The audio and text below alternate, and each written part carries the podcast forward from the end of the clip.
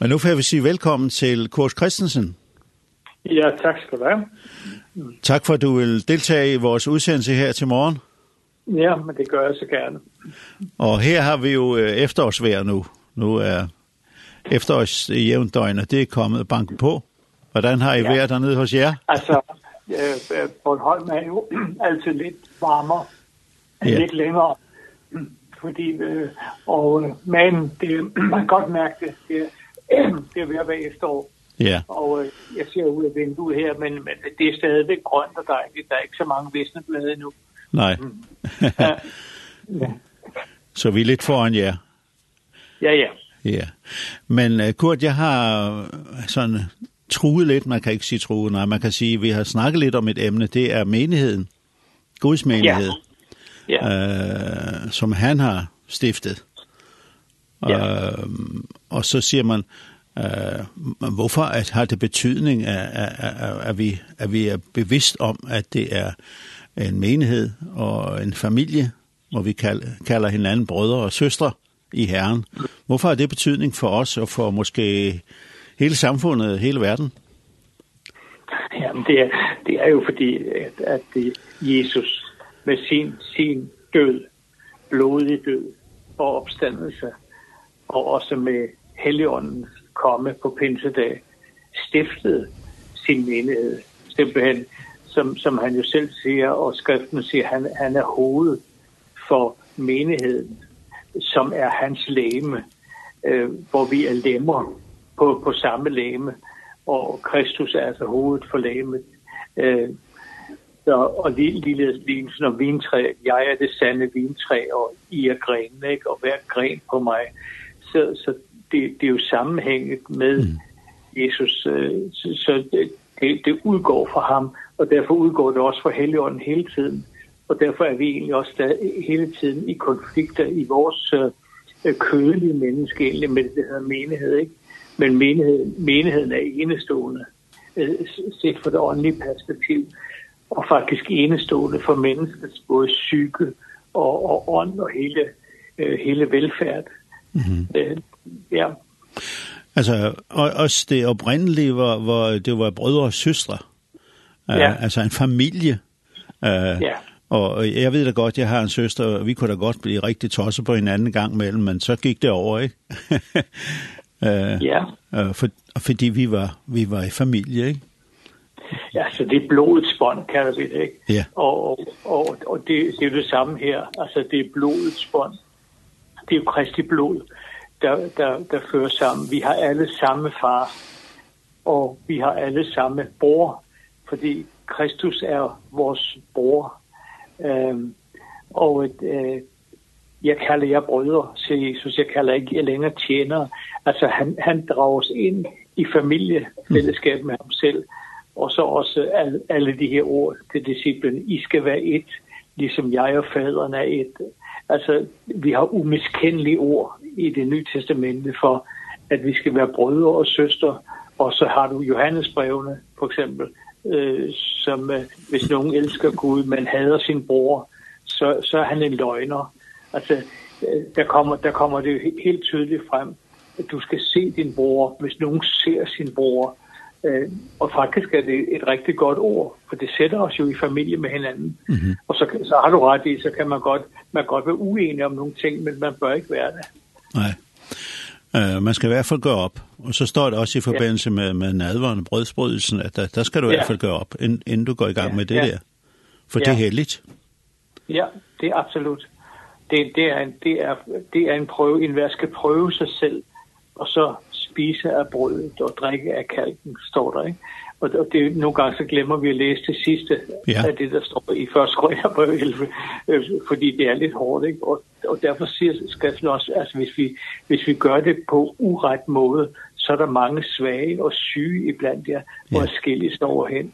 Og det vil sige, net, netop der markeres jo menigheden, øh, og derfor er det også stærkt. Nadver er jo stærk og et vidunderligt måltid.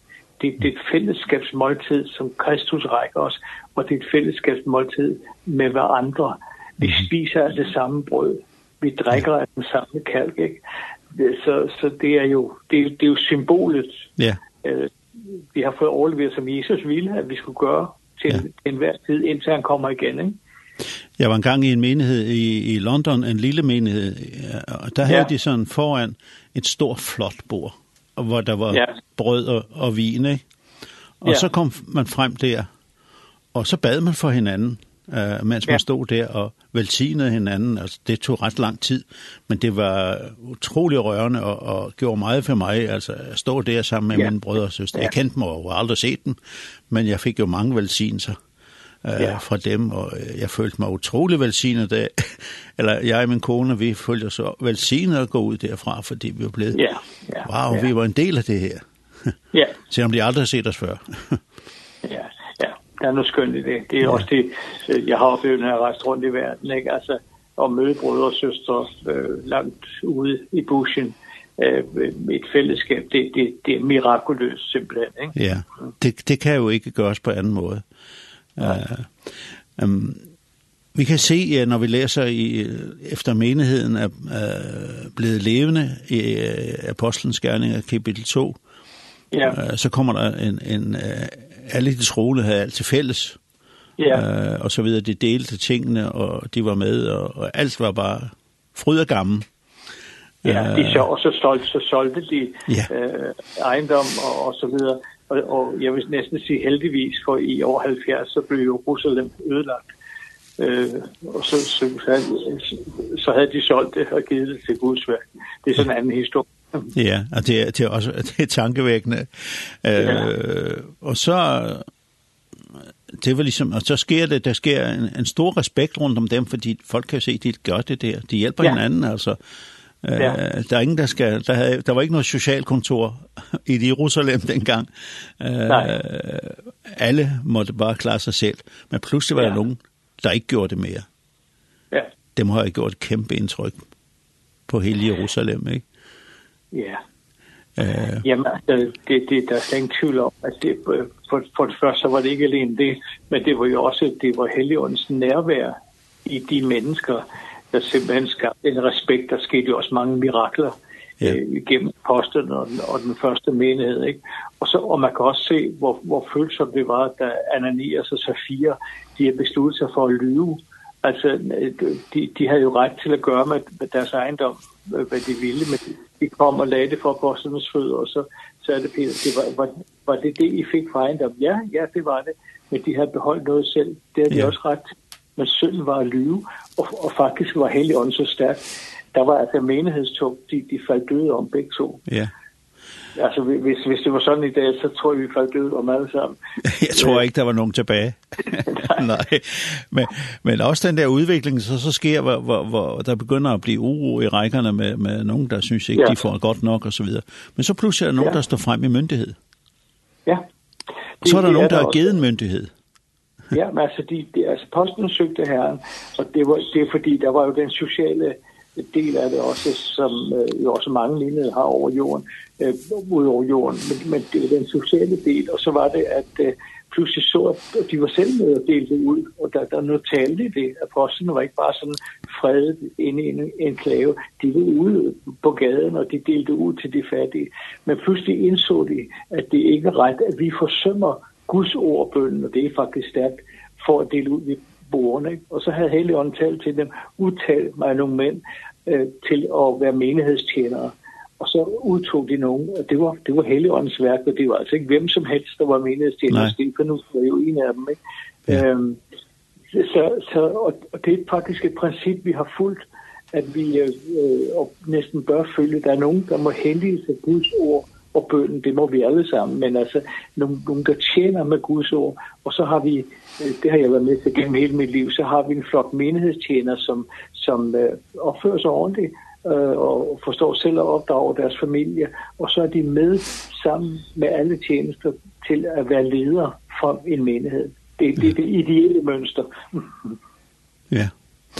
Um, Hvis vi går lidt, løber lidt i det, så kommer vi frem til Matthæus kapitel 16, hvor, hvor ligesom den her bekendelse kommer, at du er Kristus, Guds ja. der, leve, at du, er der levende Guds søn. Ikke?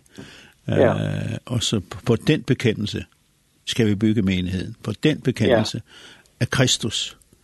At den, er, ja. Og så den, ham, han som har været fra begyndelsen af, ja. er, og, og er og, og altid vil være, ikke? Ja, ja. ja. Det, det er det, vi bygger på, ikke? Ja. Jo, det, det er jo det, jeg også siger, Tom, jeg mener det der, hvor Jesus siger også, at du, du er Petrus, du er en lille sten, og på den klippe vil jeg bygge min menighed, fordi han aflagde den bekendelse, du ja. er Kristus ja. søn. Så det er den grundlæggende bekendelse ja. i, i, den, i den sande menighed, ikke? Ja, og det, det, det, har, det er ikke noget menneske, der har der har øh, sagt det til dig, det er simpelthen direkte for Helligånden, for min far. Det er ham, der åbenbarede ja. det. Ja. ja. Så Peter, han blev ikke høj i hatten. Nej, det, det gjorde han ikke, og senere forrådte han altså også Jesus, øh, ja. og, og, og, og blev genoprettet, ikke? Og, ja. og blev en, en stor apostel, så hans historie kender vi, tror jeg. Ja. Men, men det, det hele tiden, altså, for mig se, er det hele tiden det her med, med Helligåndens nærvær, fordi Helligånden er givet. Den er givet til alle mennesker, men den er givet til menigheden, for at menigheden skal opbygges ved Helligåndens kraft. Og, og det er derfor, der, der er givet nådegave, og der er givet tjenester for at opbygge de hellige.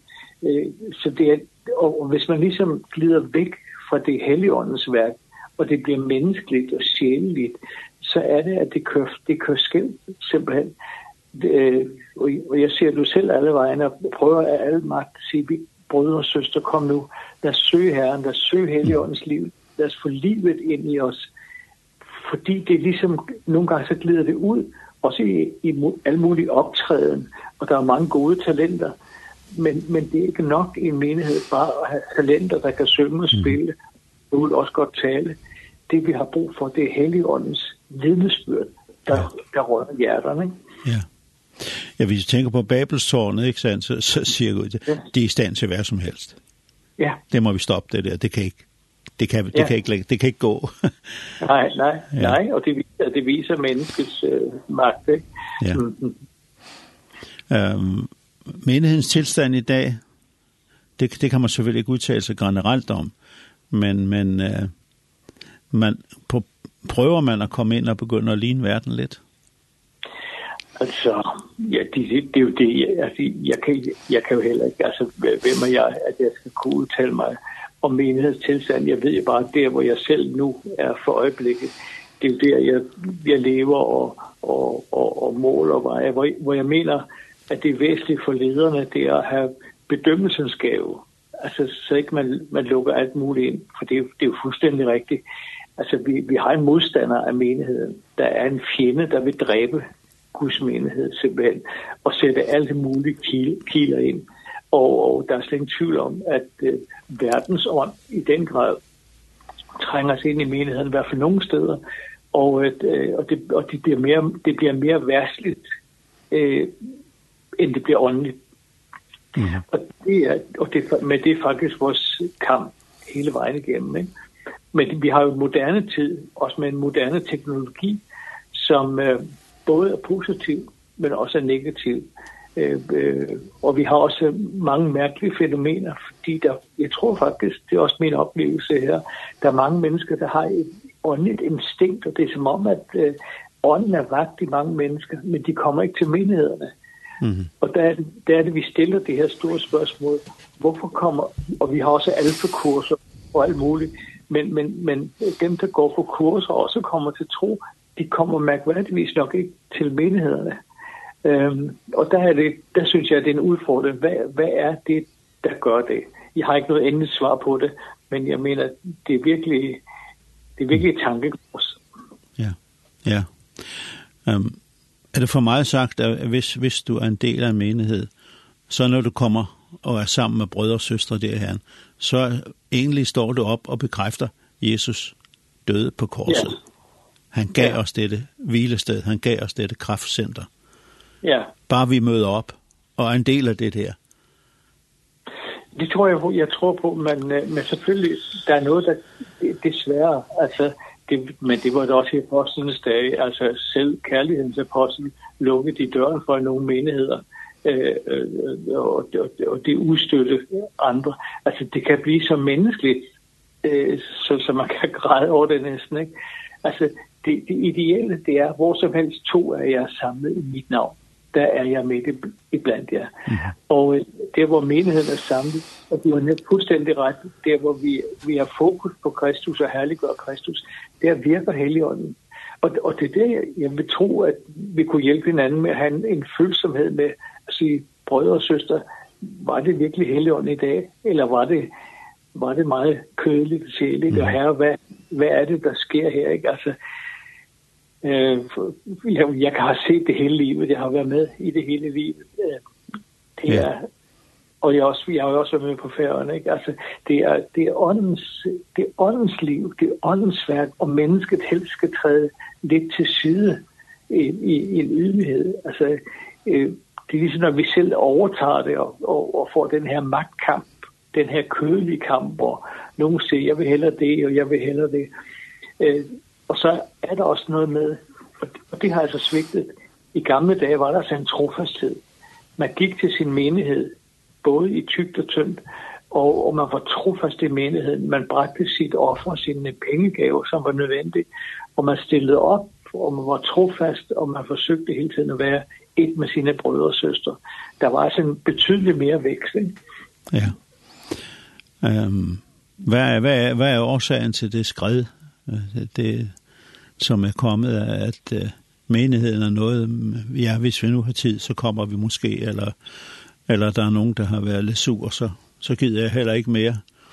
uh, Altså, jeg, jeg, jeg, jeg sidder lige forberedt i bibelskole, og, og i aften, hvor jeg skal tale om samvittigheden, og, og hvor tro og samvittighed hører sammen. Og, og jeg, jeg stopper op ved det ord, at man lider skibbrud på tro, hvis man kaster samvittigheden over bord. Altså, der er en, der er en følsomhed inde i os, i vores samvittighed, og kaster man den over bord, jamen så lider man skibbrug på troen, øh, og, og så, så mister man noget simpelthen, ikke? Øhm, altså, ja, for mig at se, så er det, det, det drejer sig om, det vigtigste i menighed, det er forkyndelsen. En, en, en salvet forkyndelse, Kristus og ord, som også jeg ved, man har mange steder på færgerne. Og, og så er det også en, en, en følsomhed over for helligånden og, og over for hinanden. Altså, hvis nogen ser sin bror begå en synd, som ikke er til døden, så skal han bede for sin bror. Altså, hvis det er en synd til døden, så skal han ikke bede, så skal det, så skal det gøres op.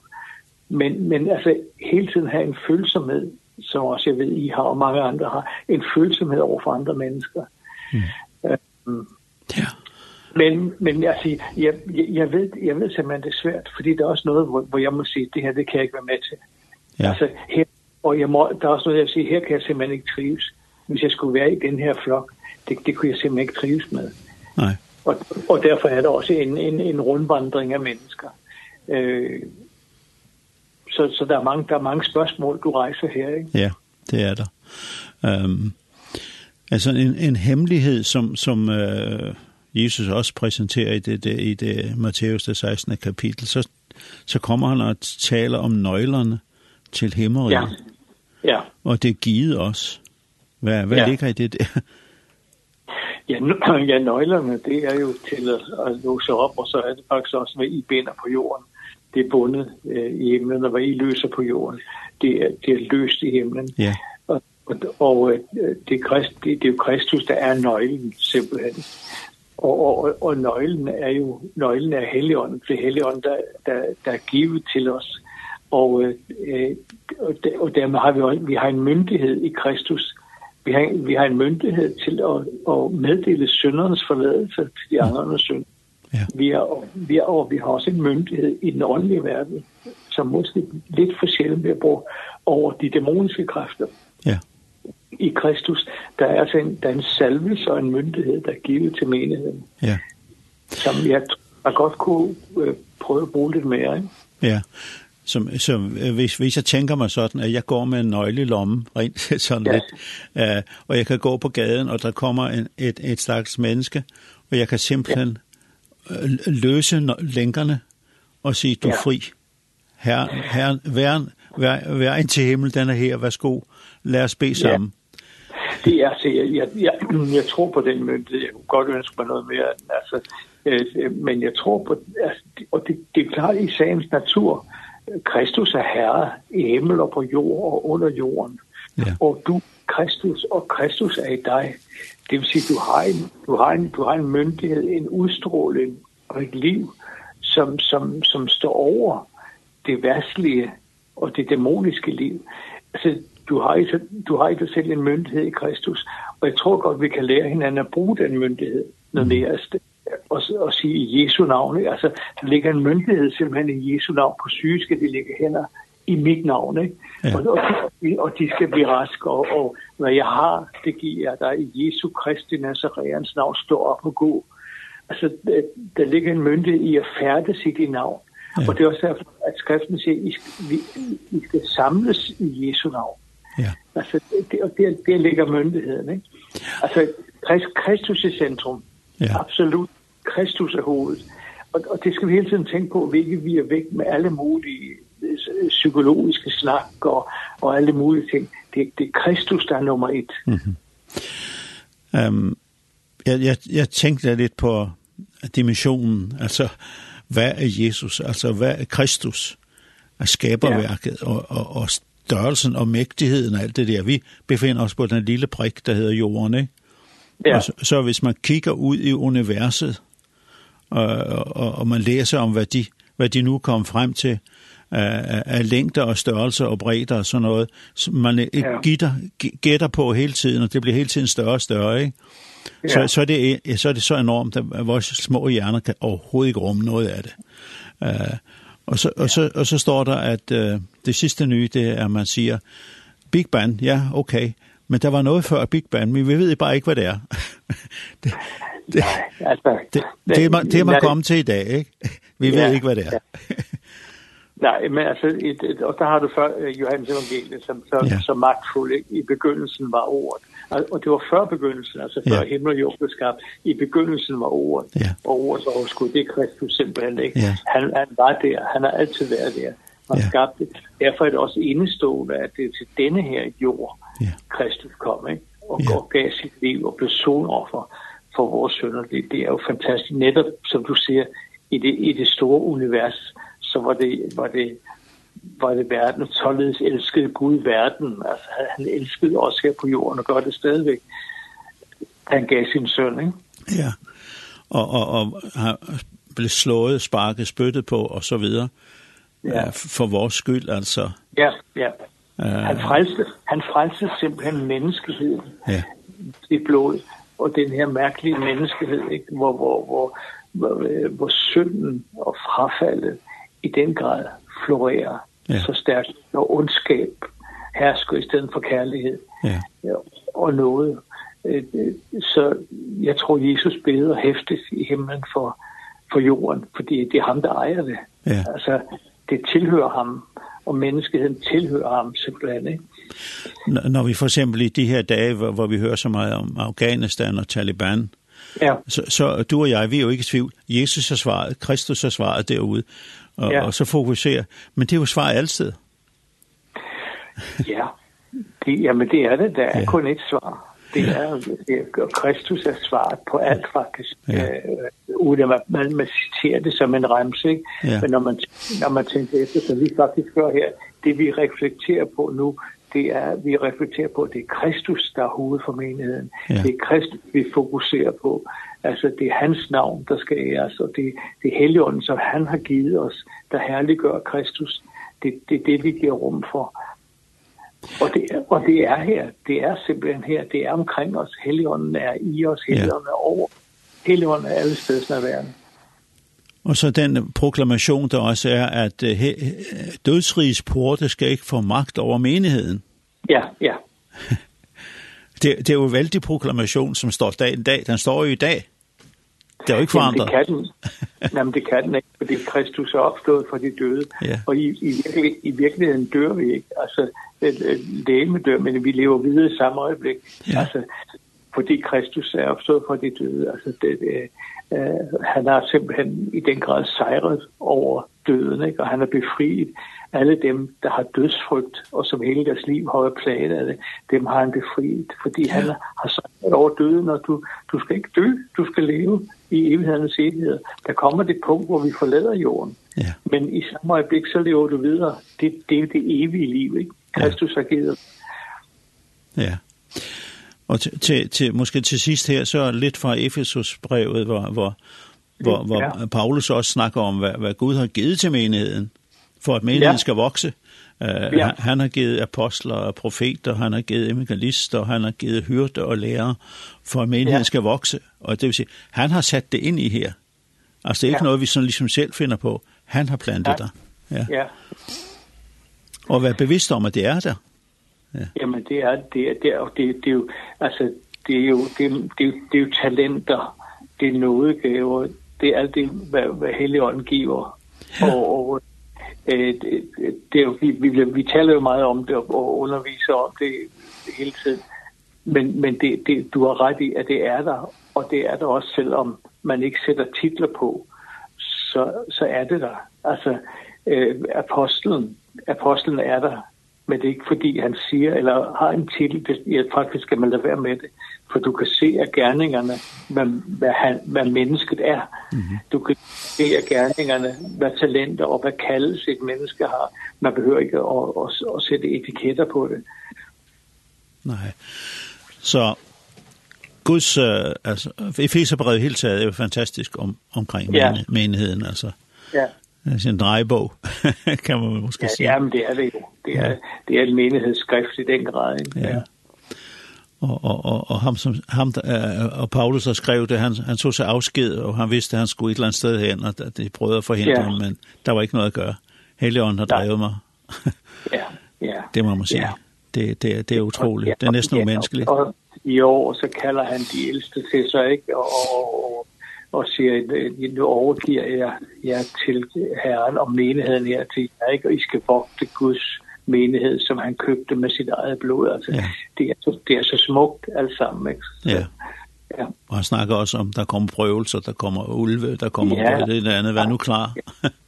ja, ja. På den tid, hvor man, mange måtte give et livet for deres tro. Ja. Og, og, og, og det hører måske også lidt med, at vi lever rimelig fredeligt i vores del af verden. Vi har ingen forfølgelse. Vi har egentlig ikke ret mange kampe. Vi har ikke mange økonomiske problemer Nej. i, i, i vores del af verden, og heller ikke på færgerne.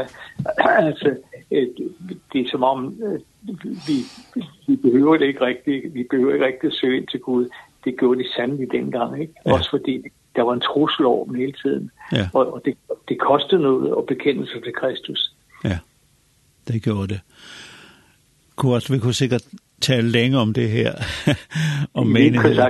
ja. Det kunne vi, men, men uh, jeg synes, vi kom lidt rundt her og, og fået sat ord på nogle ting.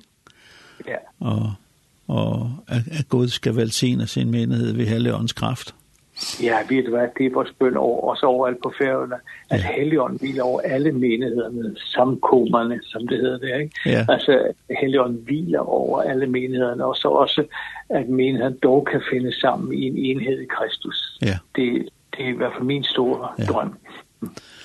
Jeg tror, jeg skal slutte af, og, og så spiller vi et, et musikstykke, der hedder Jesus Paid It All. Han betalte for det hele. Ja. Han betalte for det hele. Ja. det prøver vi. Og tak for her til morgen, og hils rundt om dig. Ja, Guds fred. Ja, Guds fred. Ja, hej.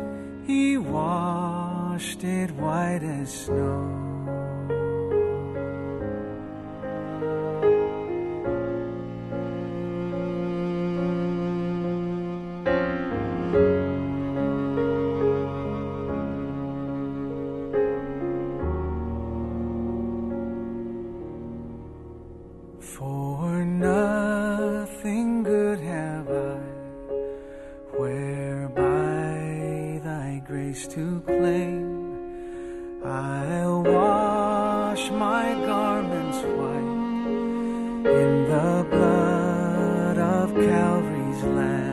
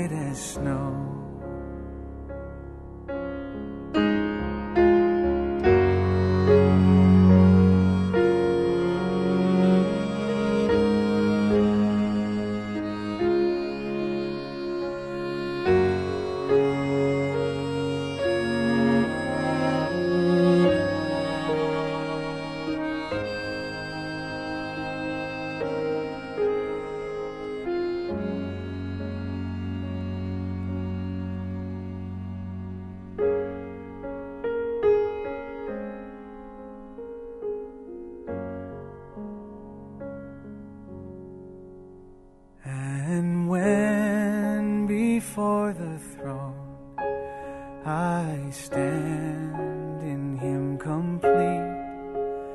Jesus died my soul to save. My lips shall still repeat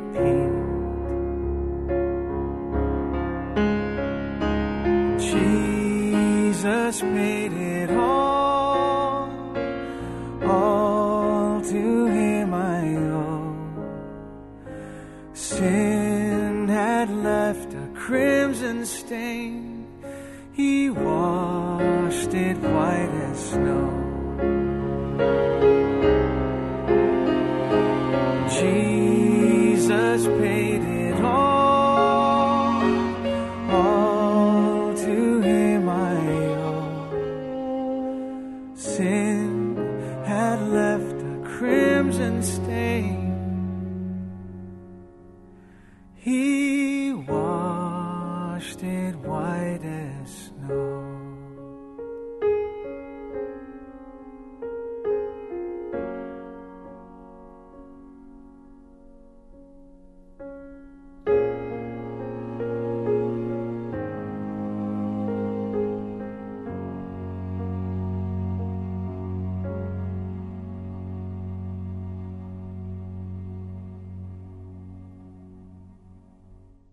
Det var så Fernando Ortega som framförde det er utrolig och lære Jesus paid it all. Att Jesus har det för allt det å si vi så en ekno løyve av krossen. Um, uh, vi tar seg som sinte om vi kurs Kristensen ja vi tar seg som om det fortsätter vi skifte och men uh, kanskje det som som strøyst vi det fortsätter i eisen kjolt i okkara tog i hver vi tar så alt, tidsa heva alt. Så fann jeg etter verset her, Matteus kapittel 6, ørende 26. Hitje er fuklon himmelsens, de sova ikkje, de hesta ikkje, de sauna ikkje i løver, og himmelske fægetikkare føyt her. Er det tid ikkje menga meir verd enn her. Ja, det kan man nok sige. Så det er Guds omsorgen for åkken er og medelig stor. Og jeg, jeg tykker jeg kan vittne om at uh, det finnes jo forskjellig hjelp, og det er ytterligere steg til. Og det skal jeg være åkere bøn her, jeg er då ytter fire forskjellige, så at og i hans har elskar navn, Jesu Kristi navn, så ber vi at du skal få den hjelp som det tørver. Og han sier, hvordan det er best til å råkne ut ved kvørst, men så kommer stolen eller kommer joppen vel. Så i Jesu navn så takkar vi for Herren vi vil vite, og styrke til, og gjøre det til som to tørfer.